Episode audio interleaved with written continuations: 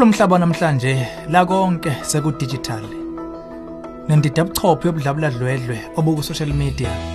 Kulula ukubona ukuhuhwa ngezocansi qeda ukugitazeke gcina usuyimbuzi yentambo nje.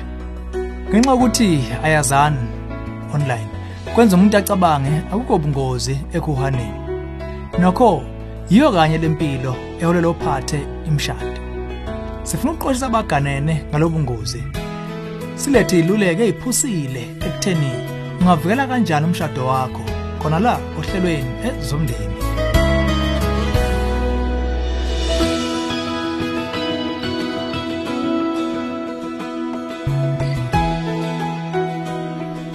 Angikubengelele ezomndeni uhlelo ukulethela izeluleko eziphathekayo ngaba ka focus on the family.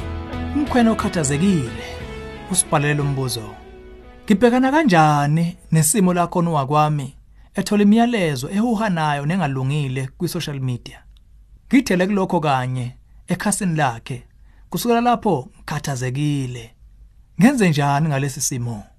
Okokuqala, okumele ukwenze ukuhlala phansi ubonisane nowakwakho. Kusemqoko ukuthembeka bese wendla la konke etafuleni. Ungenzi ngokudinwa. Ungafaki icala kumbulahle ngecala. Kunalokho sebenzisa inkulumo ethi ngisho ngoba ngamanye amazwi tshela umkwakho okuzwayo ekubonile lemiyalezo emhukela kwezocansi engena ngeinternet. Mbuzo ukuthi ikuphi nobabili eningakwenza.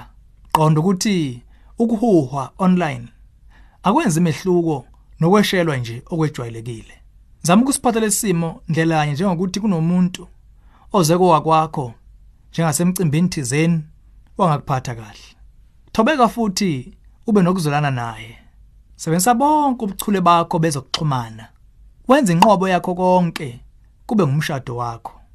Masulubeke kahle udaba. Dlwela ke manje ngxoxweni yemngcele.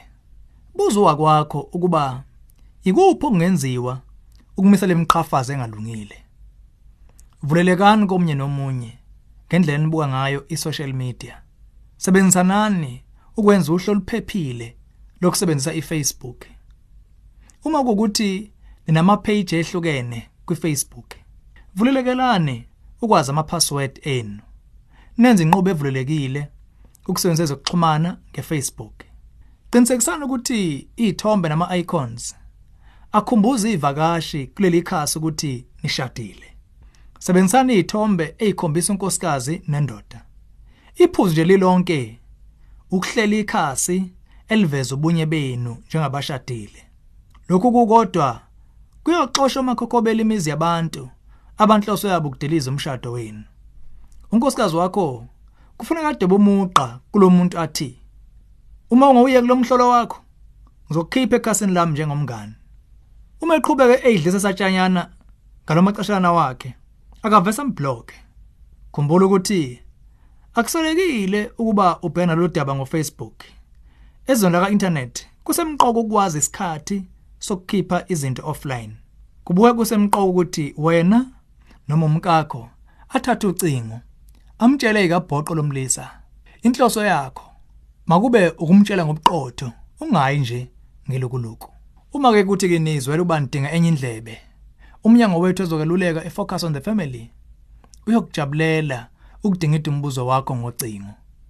Ekuthandeni ukuxoxa nomunye wabo ukhulekile ukushela ku 031 716 3300 asiphakamise ke enye insiza enkulu esihloko sithi boundaries in marriage.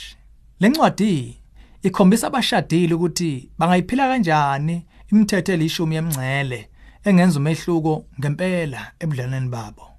Iyokwenza umkhwenyana nomakoti baqonde unqobuzano kumbe imhuzuko futhi nokulahlana emshadweni. Bese isiza futhi ukusungula isakhiwo esobunkulunkulu nophahla lomshado wabo. Ungafaka iorder lakho le boundaries in marriage ngokuvashela ikhasi lethu safamily.co.za kumbe ngokufona ku 031 716 3300 khumbula ukuthi phephisa umshado wakho kuba khokhobi nasezilingweni ungawusindisa enkathini ende ezayo ngoba umshado ohlabela phambili unenani elikhulu.